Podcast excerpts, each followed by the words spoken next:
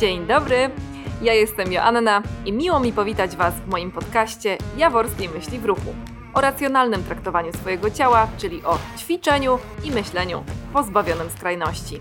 Zapraszam do słuchania.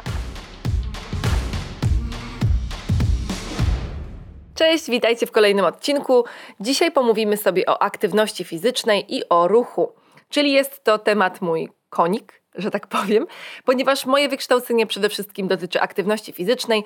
Dopiero rzeczywiście potem e, weszła ta ciałodbałość w szerszym kontekście niż wyłącznie sylwetka sama w sobie, ale też właśnie myślenie o sobie, o swoim ciele. No i wiecie, taki wszechstronny, wszechstronne spojrzenie. Zatem ja bym chciała zacząć od e, takiego pytania do Was, od pytania do Ciebie, drogi słuchaczu. Zastanów się, na którym miejscu w Twojej liście priorytetów jest poruszanie się, jest ruch, aktywność fizyczna. Tak ogólnie, generalnie w kontekście codzienności. Czyli jeśli masz w ciągu dnia obowiązki związane z pracą, obowiązki związane z rodziną, związane z domem, zwierzętami, Y, obowiązki związane z jedzeniem, dietą, gotowaniem, na którym miejscu, może jest jeszcze więcej innych rzeczy, pojawia się tutaj ruch i aktywność fizyczna. I płynnie przejdę teraz dalej, a ty się nad tym poważnie zastanów, bo może jakoś tutaj wejdziemy w większą polemikę w związku z tym. Czym jest y, dla ciebie ruch? Czym jest w ogóle ruch? Ja bym spojrzała na ruch jako na jakieś takie szersze pojęcie, czyli jest to każde zadrganie niemalże naszego ciała. E, ruchem będzie na przykład oddech, ruchy klatki piersiowej. Podczas leżenia możemy się poruszać, tak? Czyli poruszanie rękoma, poruszanie chociażby gałkami ocznymi, czyli każde przemieszczenie się którejś kończyny naszego ciała, niezależnie od to, w jakim jest to dystansie, to już jest w moim odczuciu ruch. Natomiast czym będzie aktywność fizyczna i no, wydaje mi się, że aktywność fizyczna to jest nieco węższe określenie. I zresztą tak samo mówi o tym Światowa Organizacja Zdrowia.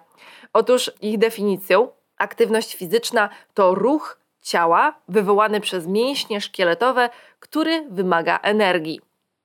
Czyli teoretycznie, chcąc tutaj pofilozofować, moglibyśmy stwierdzić, że w sumie leżąc i podnosząc ręce jest to aktywność fizyczna, bo jest to ruch ciała. No czyli aktywność naszej fizjonomii, tak? czyli aktywność ta fizyczna. Mm, natomiast ja bym chciała tutaj rzeczywiście to rozdzielić w takim kontekście prozdrowotnym, czyli e, chciałabym ubrać tą aktywność fizyczną w jakieś poruszanie się chociażby w jakimś określonym czasie. Czyli kiedy Światowa Organizacja Zdrowia mówi na przykład o jakimś minimalnym czasie aktywności fizycznej dla zdrowia, no to już oni tam definiują, że minimum musi to być 10-minutowy ruch. No, czyli kiedy leżę sobie i macham nóżką, dyndam, czy też macham rączką, no to nie do końca będzie to w moim odczuciu aktywność fizyczna.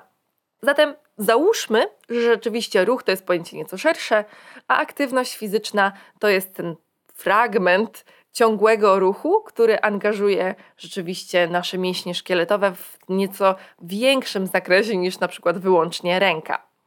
I jeśli chodzi o ruch sam w sobie, no to jesteśmy w nim ciągle, mimowolnie. Tak czy siak, ok?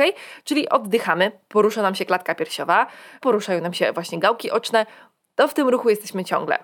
Czyli już z samej podstawy możemy założyć, że no, ruch jest nam niezbędny do życia.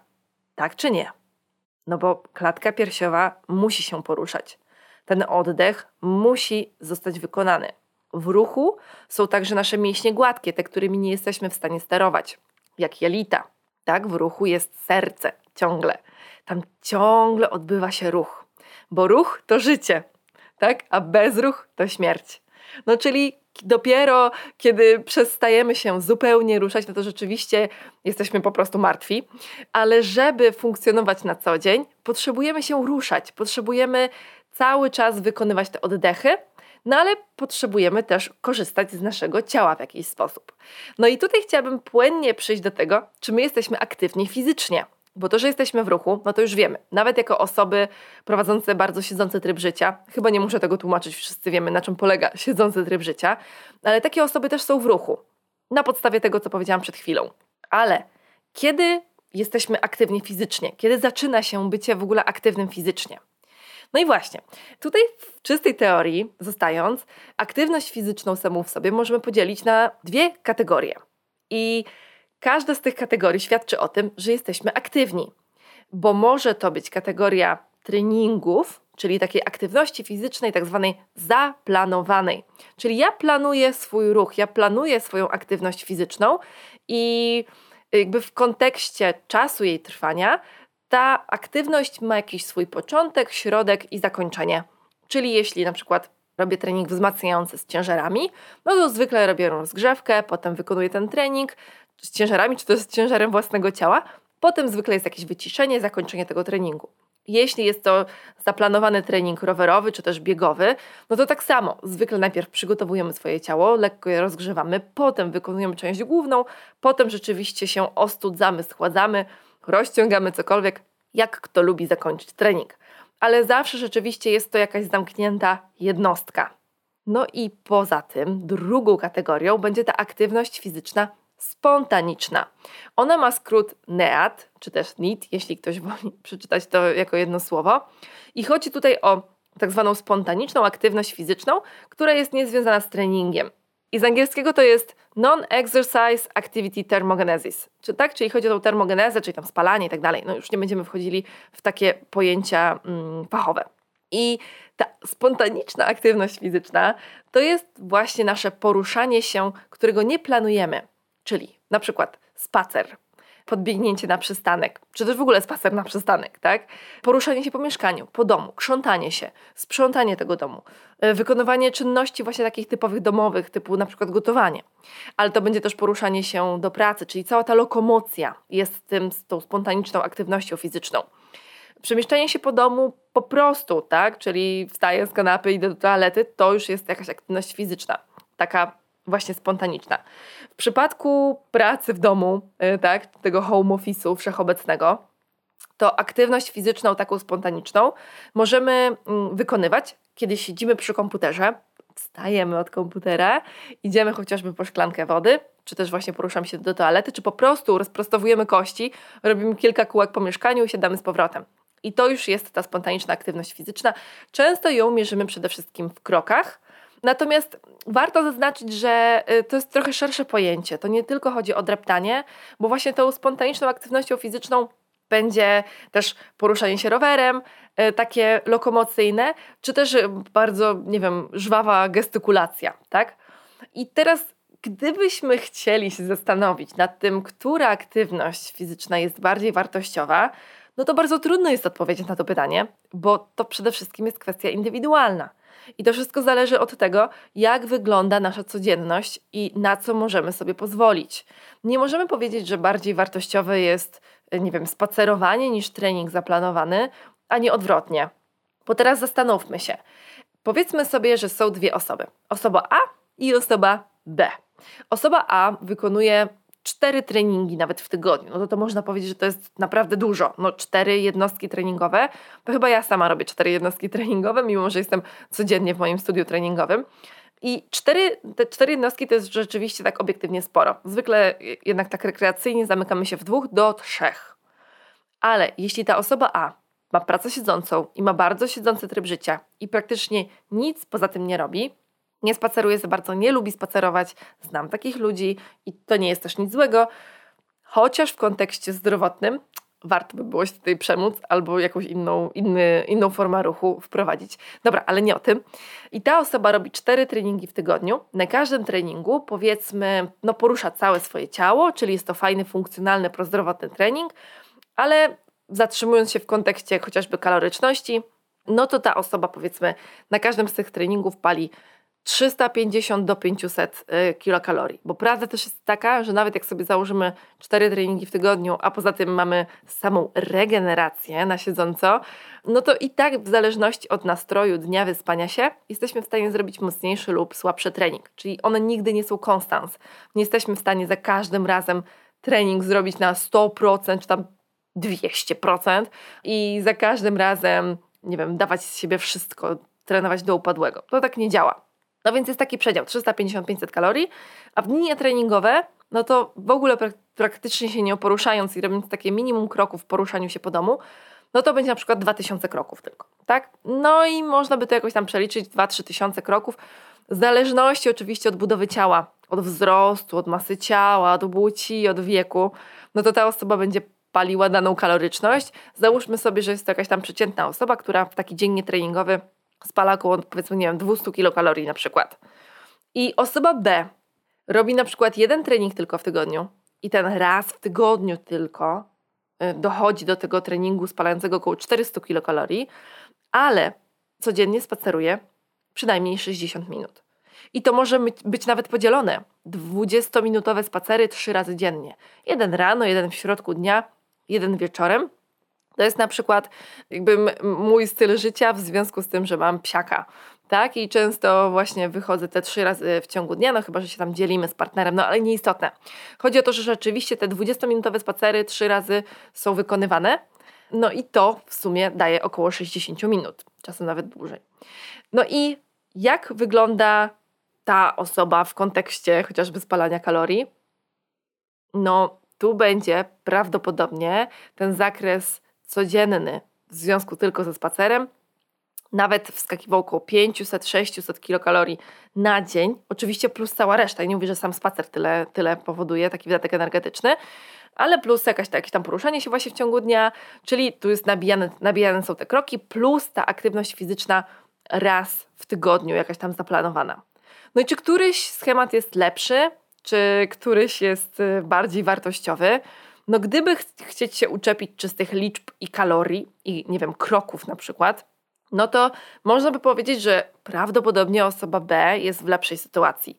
No ale w sumie osoba A pracuje nad tym, żeby mieć większą masę mięśniową, czy też dba o tą masę mięśniową. Z drugiej strony pracuje nad tym, żeby nie bolały ją plecy, w związku z tym, że wzmacnia e, mięśnie okołokręgosłupowe. No i jakby tak sumować te wszystkie jej treningi, plus te dni nietreningowe, których zostały już tylko trzy, no to czy kalorycznie rzeczywiście ona tak dużo gorzej wypada? No właśnie. No właśnie, też ta osoba, która spaceruje, prawdopodobnie nie będzie zawsze robiła tych dokładnie 60 minut. Czasem może 90, czasem może tylko 30, a czasem może w ogóle nie wyjdzie, bo nie da rady. No i słuchajcie, tu po prostu nie ma jasnej odpowiedzi. Nie ma lepszej lub gorszej opcji. Nie jest tak, że praca siedząca plus e, regularne treningi, po prostu wiecie, crossfit, cztery razy w tygodniu, a potem siedzę, jest ok. Tutaj wręcz ta, to ryzyko kontuzji wzrasta, jeśli poza tym jesteśmy ludźmi po prostu siedzącymi. I nie możemy powiedzieć, że a, spacer jest odpowiedzią na wszystko, wystarczy tylko spacerować i będzie w porządku. Okej, okay. Spacer to jest najzdrowsza i najmniej doceniana forma ruchu, bo rzeczywiście męczy nas praktycznie wcale taki spacer. Mówię o takim zmęczeniu fizycznym. Co więcej, on nas relaksuje, czyli daje w sumie fajną korzyść, jeśli chodzi o zestresowany dzisiejszy świat i zestresowanego dzisiejszego człowieka. No, ale w sumie nie pracujemy nad innymi umiejętnościami czy też zdolnościami naszego ciała. I to też jest ok, bo nie zawsze musimy, wiecie, odkrywać wszystkie możliwości naszych organizmów, ale w kontekście jakości życia Mm, funkcjonowania naszego, no to też nie jest do końca takie jednoznaczne. No więc ja wychodzę do Was z odpowiedzią. Na pewno Was nie zdziwię, ale w kontekście zdrowia najlepszy jest po prostu balans. Czyli chodzi zarówno o dbanie o ten neat, czyli o tę spontaniczną aktywność fizyczną, oraz o trenowanie. Bo chodzi o to, że trenowanie daje nam korzyści, które są związane z sylwetką także właśnie w kontekście zdrowia i funkcjonalności, czyli chociażby kwestie postawy, wszystkich mięśni około, okołokręgosłupowych, tego, że przy siedzącej pracy, a większość z nas taką pracę ma, no to te mięśnie rzeczywiście słabną, czy też dochodzi do nadmiernych napięć w miejscach, które mm, nam potem uniemożliwiają dobre funkcjonowanie, jak chociażby właśnie garbienie się i zamykanie tej klatki piersiowej. Kolejna sprawa to mięśnie na miednicy, kwestie nietrzymania moczu i nieodczuwania przyjemności seksualnej, no i wielu, wielu innych konsekwencji, kiedy te mięśnie na miednicy są osłabione. Czyli brak takiego trenowania mięśni na miednicy i całego koru mogło rzeczywiście przyczynić się do tego, że po prostu nasz komfort życia właśnie w, tym, w tych kontekstach zarówno nietrzymania moczu, czy też czy przyjemności seksualnej, jest po prostu obniżona. I czasem wystarczy rzeczywiście po prostu regularnie, dwa razy w tygodniu, trzy razy w tygodniu, poćwiczyć mięśnie core. Kolejna sprawa to uwrażliwienie komórek na insulinę, czyli aktywność fizyczna która pobudza nasze mięśnie szkieletowe, zdecydowanie uwrażliwia wszystkie komórki naszego ciała, przede wszystkim mięśni, na insulinę. Ta mm, wrażliwość i na nią, i na, i na glukozę się zdecydowanie zwiększa. W związku z czym w przypadku osób cierpiących na insulinooporność, a to jest bardzo częsta dysfunkcja, o tak, pracy, pracy naszych komórek, coraz częstsza niestety, no rzeczywiście y, zdecydowanie poprawia nam się ta insulinowrażliwość i to jest dla nas ważne. Kolejna sprawa, no to taka aktywność fizyczna zaplanowana, treningi, no to jest bardzo ważny efekt taki psychologiczny. Kwestie samopoczucia, mm, które nam się po prostu podnosi po takim mocniejszym wysiłku fizycznym, po prostu jest rzeczywiście ten um, strzał y, endorfin w naszym ciele y, i zwiększa się poczucie sprawczości chociażby. Czyli badania psychologiczne dowodzą tego, że realizując regularnie jakiś trening, jakieś założenie, poczucie sprawczości w nas wzrasta. W przypadku na przykład kobiet w ciąży y, maleje uczucie lęku przed byciem mamą czy przed porodem chociażby. Poza tym aktywność fizyczna, coraz więcej badań wskazuje, ma dobry wpływ na pracę naszego mózgu. Ponadto sam kontakt z ciałem i czucie swojego ciała jest lepsze, bo pobudzamy różne mięśnie, różne sfery naszego organizmu i lepiej jesteśmy w stanie wyczuć swoje ciało, lepiej wiemy, co nas boli. Czyli takie osoby, na przykład mało aktywne fizycznie, które nagle dostają bólu gdzieś pod łopatką, czy, czy właśnie bólu w nodze, czy bólu gdzieś tam w okolicach kręgosłupa, udają się, powiedzmy, przykładowo do fizjoterapeuty i to wiem z, ym, z historii, że tak powiem, opisywanych przez mojego fizjo. No i co pana boli? Co panią boli?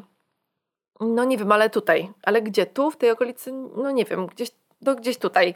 I pokazuje chaotycznie, a jaki to jest ból, jaki to jest typ bólu. No I ta osoba nawet nie wie, jaki to jest typ bólu, nie potrafi tego opisać, bo to jest tak niskie to poczucie, czucie własnego ciała i tego kontaktu z danymi obszarami, że nie jesteśmy w stanie tego dokładnie zlokalizować.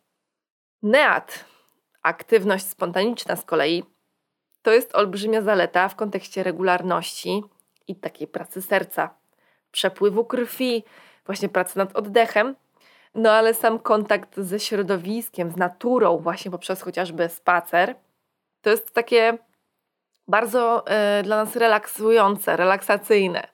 Samo oderwanie się od monitora, czyli ten ruch spontaniczny, czy po domu, właśnie, czy w kontekście wyjścia na spacer, jest, ma, ma bardzo dobry wpływ na nasze samopoczucie i na nasze myślenie. Odrywamy się od takich codziennych problemów, odrywamy się od tego wszystkiego, co się dzieje dookoła no i jednocześnie będąc rzeczywiście w stałym ruchu, pobudzając często nasze stawy do pracy, czujemy się lepiej też w ciele, tak sylwetkowo, stawowo, po prostu. Z kolei w kontekście odchudzania będzie to samo, czyli w kontekście odchudzania też balans. Zarówno połączenie treningów spontanicznych, jak i treningów zaplanowanych będzie miało dla nas najlepszą skuteczność. Tylko, że jakby, wiecie, powody, te, które wymieniłam wszystkie wcześniej, zawierają się w kontekście odchudzania, bo uważam, że chęć odchudzania nie powinna pomijać kwestii zdrowotnych. To nie jest tak, że teraz trenuję, teraz ćwiczę, żeby się odchudzać, a jutro będę trenować dla zdrowia.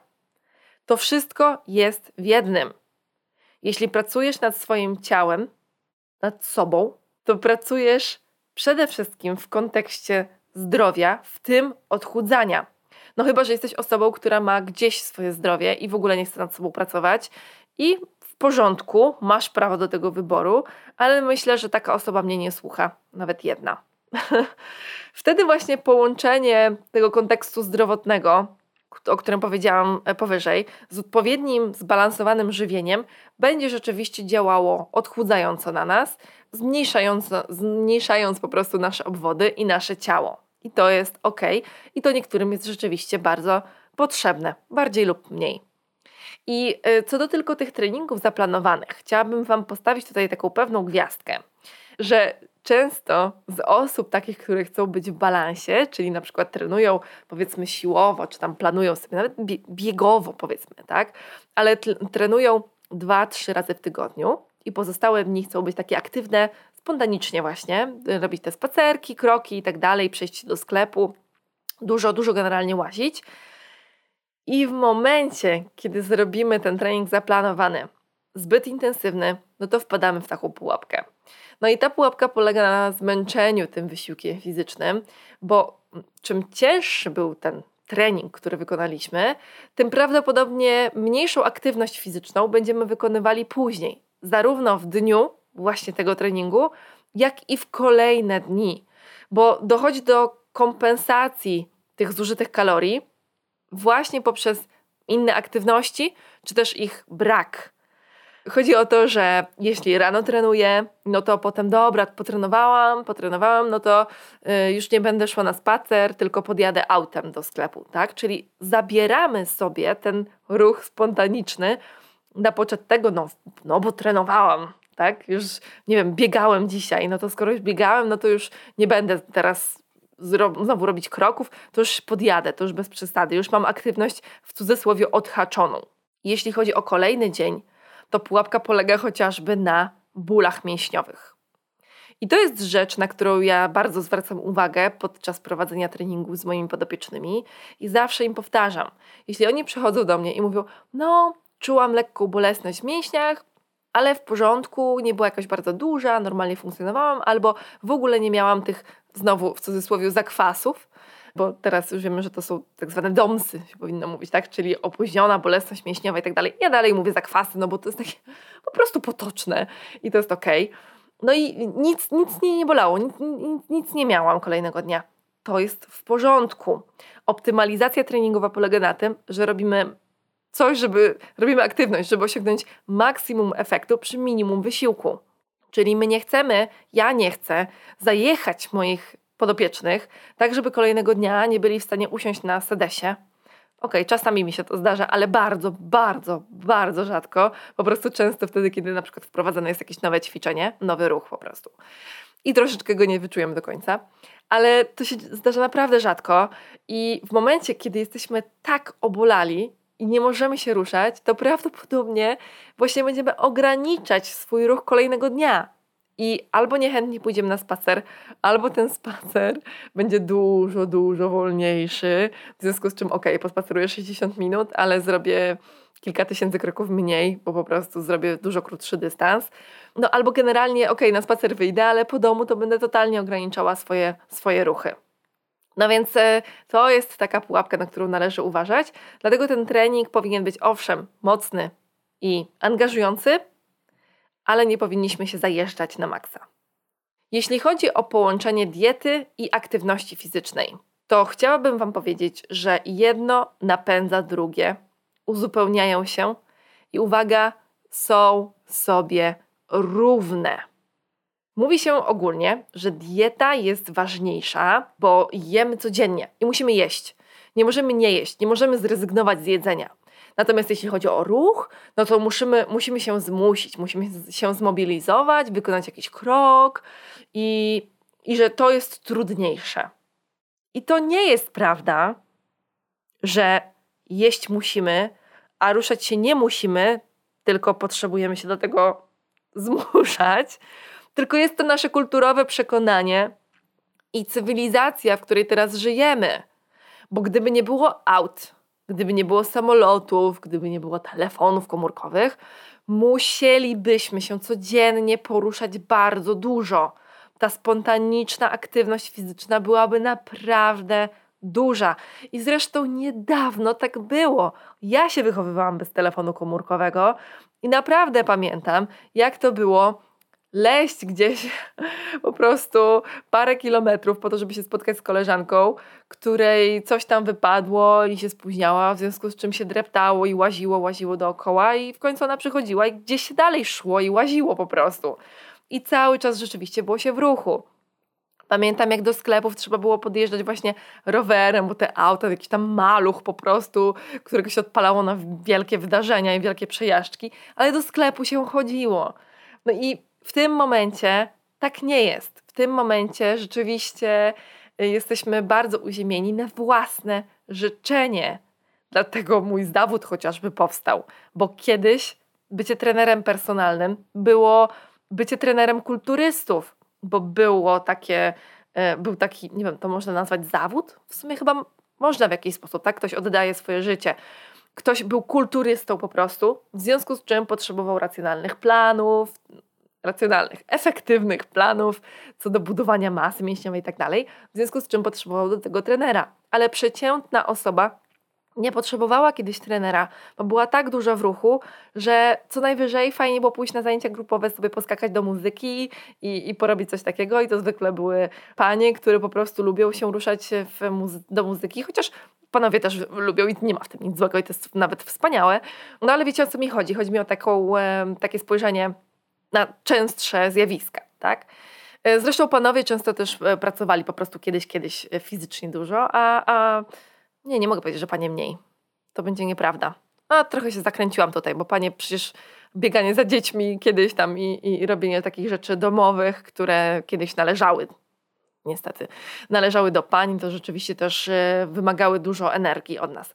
Okej, okay, dobra, nie wchodzę w ten temat, bo y, to też nie jest to, o czym mamy tutaj rozmawiać. Generalnie chodzi mi o to, że ciało naturalnie potrzebuje ruchu jak jedzenia. Nie możemy powiedzieć, że jedzenia potrzebujemy, a e, do ruchu, ruchu nie do końca, to po prostu trzeba dać coś z siebie, żeby go wykonać. Nie. Nasze ciało potrzebuje ruchu dokładnie tak samo jak jedzenia. Potrzebuje tak samo jak jedzenia codziennie, tak, tak samo potrzebuje ruchu codziennie. Nie jest to jednak potrzeba w porównaniu do jedzenia, która jest nam niezbędna do przetrwania. Tak? Czyli kiedy jest osoba na przykład na wózku inwalidzkim, osoba unieruchomiona totalnie, no to ona, żeby przetrwać, musi jeść, tak? Z kolei nie musi, nie musi wykonywać aktywności fizycznej. No ale pytanie teraz do ciebie jest takie: czy ty chcesz przetrwać, czy ty chcesz żyć? Bo jeśli rozmawiamy tutaj w kontekście zdrowia i jeśli chcesz żyć w fajnym komforcie, jeśli chcesz żyć długo i w zdrowiu, to ten ruch, i ta aktywność fizyczna jest dokładnie tak samo ważna jak jedzenie. Chciałabym teraz przejść do mitu.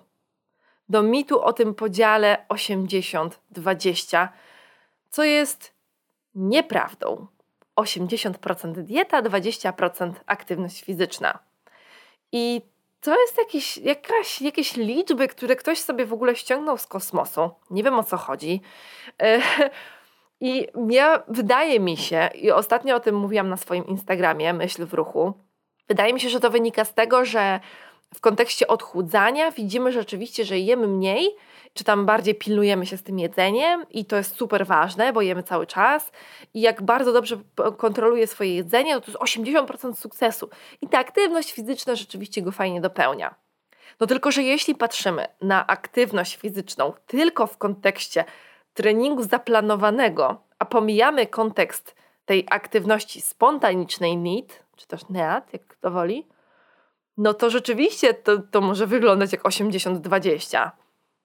Ale to trochę tak, jakbyśmy, jakbyśmy patrzyli na jedzenie, jakby patrzymy na jedzenie śniadanie, przekąska, obiad, przekąska, kolacja, jeśli jest to pięć posiłków, lub też mniej, wiadomo, trzy, cztery posiłki, a aktywność jest tylko tą aktywnością zaplanowaną, to trochę tak jakbyśmy patrzyli na aktywność jak tylko na obiad. Jak, rozumiecie, na jakiś taki główny posiłek, albo tylko na śniadanie, jeśli dla kogoś śniadanie jest taką podstawą dnia. Ale przecież obok tego obiadu jest jeszcze cała reszta. Jest właśnie to śniadanie, jest kolacja, ewentualnie przekąska, jest picie, tak, woda, kawa, herbata. Jakby to wszystko jest jeszcze dookoła. I to jest ten nasz need, czyli ten trening niech będzie tym obiadem, ale mamy dookoła jeszcze te wszystkie przekąski, że tak powiem ogólnie, i napoje. W związku z tym, ja bym chciała Was przekonać do tego, że dieta i aktywność fizyczna w kontekście sukcesu, jakikolwiek to byłby sukces, sukces zdrowotny, sukces sprawnościowy, czy też sukces w kontekście odchudzania i zmniejszenia tkanki tłuszczowej, to jest 50-50. I odpowiednia ilość jakość pożywienia plus odpowiednia dawka ruchu niemal gwarantowałyby nam zdrowie, a nawet jeśli nie, to na pewno podnosiłoby jakość naszego życia. I tutaj chciałabym Wam e, pokazać taką analogię. Spójrzcie na dietę restrykcyjną, tak? Czyli przechodzimy na restrykcyjną dietę. Konkretnie, cztery posiłki, tyle gramów tego, tyle gramów tego, białka tyle, e, niejedzenie glutenu, czy tam niejedzenie pieczywa, niejedzenie żółtego sera, zamiast oliwy do, wiecie, do sałatek jakiś tam, nie wiem, sok z cytryny i w ogóle omijanie jakichś takich dziwnych rzeczy. I restrykcyjna dieta jest dokładnie taka sama jak restrykcyjna aktywność fizyczna. Jeśli ja podchodzę do ruchu, do aktywności fizycznej tak, że ona musi, to dobra, od poniedziałku, to ćwiczę w poniedziałek, środę, piątek, w niedzielę robię długi spacer, a w ogóle w międzyczasie to jeszcze jogę i planuję sobie tak restrykcyjnie i muszę się tego trzymać dokładnie o tej godzinie, dokładnie tyle czasu, dokładnie taki trening, jeszcze nie daj Boże z zegarkiem dokładnie tyle kalorii, to to jest coś z góry skazanego na porażkę. Tak samo jak ta restrykcyjna dieta bo nasz organizm, nasz mózg nie jest w stanie trwać w restrykcji. To jest po prostu dla nas niemożliwe. Po dłuższym czasie, czy też po krótszym niektórzy, każdy z nas z tej restrykcji zrezygnuje, bo to jest dla nas, dla naszego mózgu za trudne. Z kolei intuicyjne odżywianie będzie jak intuicyjny ruch. Intuicyjne jedzenie to jest yy, jedzenie oparte na tym, na uczuciu głodu i sytości, na naszych potrzebach, na naszych emocjach. E, nie chcę za bardzo zbyt głęboko w to wchodzić, bo tak jak ostatnio wspominałam, dopiero liżą, że tak powiem, ten temat. Niebawem, e, niebawem będę miała wiedzę na ten temat większą. Natomiast no jakby kontekst sam w sobie rozumiecie. Z kolei intuicyjny ruch to będzie odczytywanie potrzeb naszego ciała w kontekście aktywności. Czuję, że potrzebuję odpocząć. Idę tylko na spacer robię rozciąganie, czuję się napinana, zamknięta, robię jogę, czuję, że mam dużo energii, że to jest super dzień, że wyspałam się, jest słońce, no to idę i robię fajny, mocny trening, bo mam na niego ochotę, jest świetna pogoda, biorę kije, idę na Nordic, czy też idę pobiegać. Rozumiecie? Słuchanie swoich potrzeb, słuchanie swojego ciała w kontekście zdrowia, takich szczerych potrzeb. Z kolei zaburzenia odżywiania na przykład to będzie, będą też zaburzenia traktowania własnego ciała. Czyli mamy zaburzone jedzenie, czy też na przykład kompulsywne obiadanie się, czy też kompulsywne detoksy, to będą powiązane, jakby będą analogicznie kompulsywne aktywności fizyczne, kompulsywny ruch.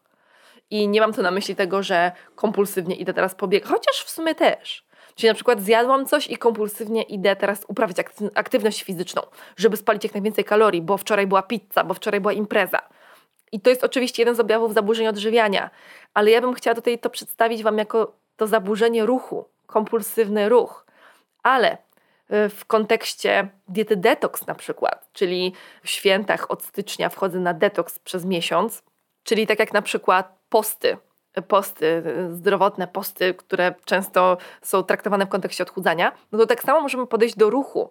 Czyli ruch, który sobie teraz planuję przez miesiąc, robić taki ruch, super intensywny, dokładnie taki, czy też wyzwanie, nowy rok, nowa ja i codziennie naparzam treningi, to jest kompulsywne traktowanie własnego ciała, bardzo przedmiotowe i bardzo mu niesprzyjające. I ostatnim takim analogicznym porównaniem chciałabym Wam pokazać, jak jest monodieta czyli dieta, która koncentruje się na tym, na jakimś jednym składniku, czy też na eliminacji dużej grupy produktów, czyli dieta na przykład czysto tłuszczowa albo dieta czysto, nie wiem, węglowodanowa, to trochę jest tak taki monotrening. Wiemy, że nasze ciało potrzebuje wielu składników, różnych składników, najlepiej zbalansowanej diety, diety racjonalnej, dopasowanej do naszych potrzeb, do naszego samopoczucia, do naszego charakteru, do naszego stylu życia. I to samo powinno się dziać z treningiem. Dopasowany do naszych potrzeb, do naszego samopoczucia, do naszego zdrowia, do naszych możliwości. Czyli ten monotrening, powiedzmy, tylko biegam, tylko biegam, tylko biegam. Mówię w kontekście rekreacyjnym oczywiście, bo co innego zawodowcy. No to chociaż zawodowcy też uzupełniają to często innymi treningami, no, czy też treningami motorycznymi, czy, czy właśnie regeneracją. Ale dobra, rozumiecie o co chodzi. Ten zróżnicowany trening i spacer, i trening zaplanowany, i ciężary, i bieganie, i yoga, no taka mieszanina jest dla nas najlepsza.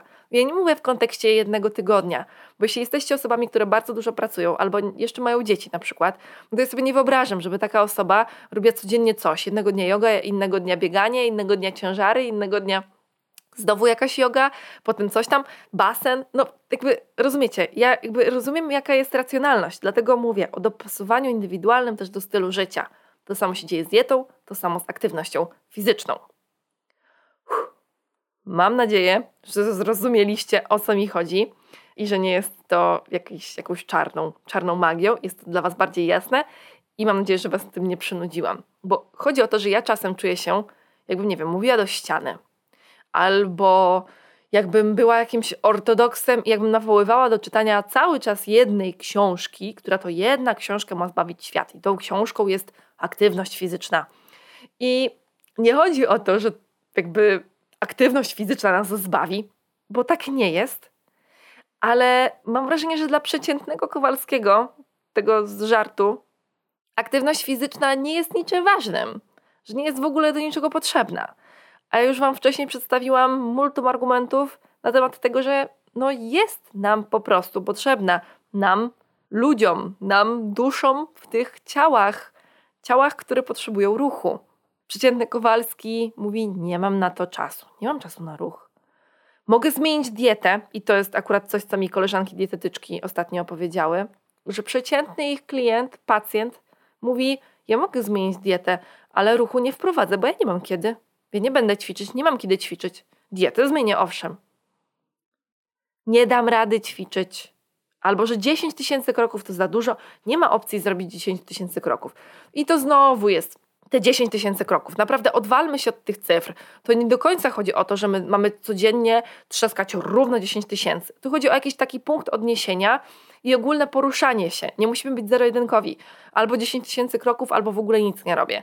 8 tysięcy kroków też jest ok. 6 tysięcy kroków jest spoko. Zrobię 15, w porządku, tak? Chodzi o to, że to 10 tysięcy jest jakimś takim środkiem, bo to jest około godzina mniej więcej spaceru. No może trochę więcej nawet w sumie, te 10 tysięcy. No nieważne, no ale wiecie o co mi chodzi? Chodzi o to, żeby ten ruch mniej więcej oscylował codziennie około godziny. Oczywiście może być podzielony na mniejsze części. 15 minut kilka razy, tak? 20 minut kilka razy. Jakby to nie czepiajmy się tych szczegółów. Mam wrażenie, że też ostatnio czekamy na e, artykuł, nowy artykuł, który powie jednak nie, 10 tysięcy kroków to bójda, wystarczy nam 5. Ale co? Naprawdę to jest jak szukanie pigułki na odchudzanie. Czekanie, aż ktoś nam powie: hej, jednak nie musisz trenować. Hej, jednak możesz leżeć na kanapie. Hej, zrób tylko 5000 kroków, a będziesz zdrowa. No i co z tymi, co robią 10 tysięcy kroków? To, to oni są jakiś hiperzdrowi, jacyś hiperzdrowi, jacyś, nie wiem, nadludzie? No, rozumiecie, o co mi chodzi jakby nie czepiajmy się tych 10 tysięcy kroków. To jest jakaś taka wyjściowa dla nas. Coś, co ma nam mniej więcej powiedzieć, czy my jesteśmy tymi aktywnymi, czy raczej nie do końca. Czyli jeśli jestem osobą, która przeciętnie w miesiącu robi 3000 kroków, no to raczej nie jestem aktywna fizycznie. Jeśli ja średnio w miesiącu robię 9, 10, 11 tysięcy kroków, to jestem aktywna fizycznie. To po prostu jest jakiś taki wyznacznik. Ja rozumiem te wszystkie argumenty, że ja nie mam czasu, ja nie mogę ćwiczyć i tak dalej, nie wprowadzę tego, ale zobaczcie, co nas do tego doprowadziło. Przecież, przecież my sami do tego doprowadziliśmy. Kiedyś ten ruch, ta aktywność była normalna, była naturalna. Była nam, jakby rozumieliśmy, że ona jest potrzebna, albo też po prostu nie mieliśmy wyjścia. No musieliśmy pójść do tego sklepu, czy też musieliśmy się ruszyć, ruszać. Nie mieliśmy po prostu wyjścia. Teraz znaleźliśmy wyjście z tej sytuacji żeby zaoszczędzić czas. Zaoszczędzić czas, to ja nie pójdę, tylko ja zadzwonię. albo podjadę autem. I oszczędzamy czas po co? Po to, żeby potem ten czas poświęcić na wizyty u lekarza, czy też po to, żeby potem poświęcić ten czas do, u fizjoterapeuty, czy też po to, żeby pracować więcej, zarabiać więcej, a potem płacić fizjoterapeucie, ortopedzie, osteopacie, czy też trenerowi personalnemu. Rozumiecie absurd tej sytuacji w ogóle? Nie wiem, mam wrażenie czasami, że by ja wiem, jak bardzo ważna jest aktywność fizyczna. Ja szalenie chcę się z Wami tym dzielić. Bardzo chcę Wam przekazać tę ideę ruchu. Ideę ruchu codziennego, nie napinającego się na trenowanie i na przerzucanie niebotycznych ciężarów, tylko do tej aktywności fizycznej, poruszania swoim ciałem rzeczywiście codziennie, czasem tylko spacerem, czy też aż spacerem, jeśli wygospodaruję na czas na dłuższy, czasem ruchem zaplanowanym. To jest naprawdę cholernie ważne. Chciałabym, żebyście mi po prostu w to uwierzyli, ale żebyście sami uwierzyli w to, czego potrzebuje wasze ciało i nie szukali złotych rozwiązań. Pytanie w tym wszystkim, czy zależy ci na zdrowiu? Jeśli nie zależy ci na zdrowiu, no to okej. Okay. To jest twoja sprawa i może ci nie zależeć na zdrowiu. Ja ci nie podejdę, nie wyrwę papierosa z buzi. Ja nie wytrącę ci kieliszka z wódką. Nie wiem, nie, nie wyrwę ci frytek z McDonalda. Sama lubię frytki z McDonalda, ale to rzadko. ale wiecie, co mi chodzi? Jakby to jest, to jest kwestia decyzji. Czy ty się decydujesz na bycie nałogowym palaczem, czy się nie decydujesz na to i jednak chcesz zadbać o siebie zdrowotnie. I jeśli chcesz zadbać o siebie, żyć lepiej, ciekawiej i doświadczać więcej, to wróć do korzeni, wróć do tego, co jest naszą naturą i po prostu bądź bardziej aktywny. I chciałabym na końcu powiedzieć Wam o takich osobach super seniorach. Na pewno kojarzycie dziarskiego dziadka. Dziarski dziadek, który ma swój kanał na YouTubie. I dziarski dziadek niestety już odszedł. Natomiast jedna z rzeczy, którą powtarzał najczęściej i którą bardzo promował, to był ruch, to była aktywność fizyczna. I jak wejdziecie właśnie na sposoby na długowieczność, chyba tak się nazywa jego kanał na YouTubie, to zobaczycie świętej pamięci właśnie dziarskiego dziadka, który pokazuje, jak ćwiczył, jak, jak się ruszał. I to było naprawdę niesamowite. On był bardzo regularny w tym ruchu i mówił, że to jest super ważne. Poza tym wiemy, że aktywność fizyczna podtrzymuje też funkcję mózgu i do, no po prostu nie ma pigułki, nie ma rozwiązania alternatywnego zamiast ruchu. Po prostu uprawianie gimnastyki, ćwiczenie rano, czy też przed snem, spacerowanie, to jest sposób na zdrowie. I tak naprawdę możemy się cofnąć dużo, dużo dalej, dużo, dużo wcześniej, bo już filozofowie i Arystoteles i Platon podkreślali, że sport wpływa nie tylko na ciało, ale ma także kluczowe znaczenie w kształtowaniu charakteru i moralności. Czyli ten sport, ta aktywność fizyczna jest ważna w bardzo szerokim kontekście. Ja wierzę, że ruch jest cholernie ważny i mówi o tym wiele badań naukowych. Mówię Wam teraz o tym po prostu ja, jako praktyk, i zachęcam serdecznie do bycia aktywnymi fizycznie. Dajcie mi, błagam, znać czy się z tym zgadzacie, czy rozumiecie, czy do Was dotarło i zastanówcie się, czy to miejsce w priorytetach Waszego dnia codziennego na ruch jest dobre i jest prozdrowotne. Dziękuję Wam serdecznie za spędzenie ze mną tego czasu. Zapraszam serdecznie do odzywania się przez maile, właśnie podcast małpamyślwruchu.pl albo napiszcie mi wiadomość po odsłuchaniu na Instagramie Myśl w Ruchu czy na Facebooku Myśl w ruchu Joanna Jaworska. Dzięki wielkie, trzymajcie się, cześć!